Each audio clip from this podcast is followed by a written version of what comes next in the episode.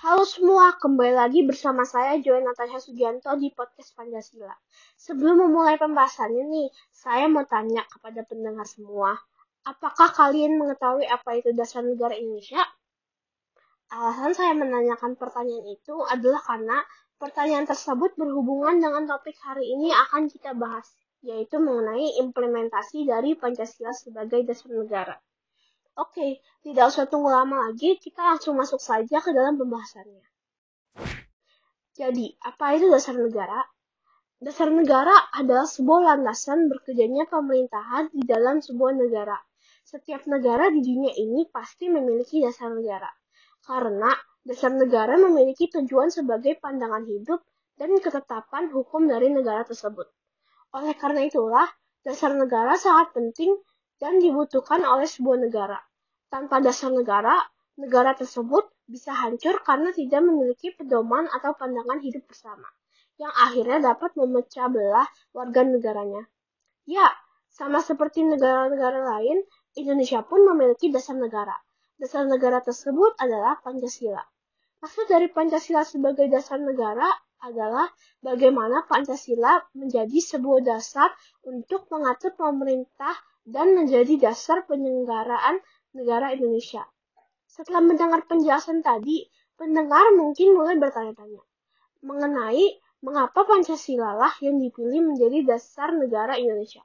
Menurut Teguh Prasetyo dan Ari Purnomo Sisi, dalam membangun hukum berdasarkan Pancasila, Pancasila dipilih menjadi dasar negara Indonesia adalah karena dinilai sesuai dengan jiwa bangsa Indonesia itu sendiri. Oleh karena itulah dipilih. Dengan mengetahui lebih dalam mengenai apa itu Pancasila sebagai dasar negara Indonesia, kita juga dapat mengetahui bahwa sebenarnya Pancasila sebagai dasar negara Indonesia ini memiliki banyak sekali prinsip yang dapat diimplementasikan dalam kehidupan kita seperti di, bidang politik, ekonomi, sosial budaya, dan bidang lain-lainnya. Di bidang ekonomi, di mana pengembangan ekonomi negara dilakukan berdasarkan Pancasila yang mengandung nilai humanistis dan nilai gotong royong agar dapat tercapainya kesejahteraan rakyat secara luas. Sedangkan di bidang sosial dan budaya, implementasi Pancasila sebagai dasar negara digunakan untuk merawat dan memindah kerukunan dari keberagaman masyarakat multikulturalisme karena semua hal tersebut dapat terwujud jika melakukan pengembangan budaya dengan mengikuti nilai-nilai Pancasila. Di bidang politik, yaitu dengan menggunakan demokrasi Pancasila yang berpegang teguh kepada prinsip keharmonisan.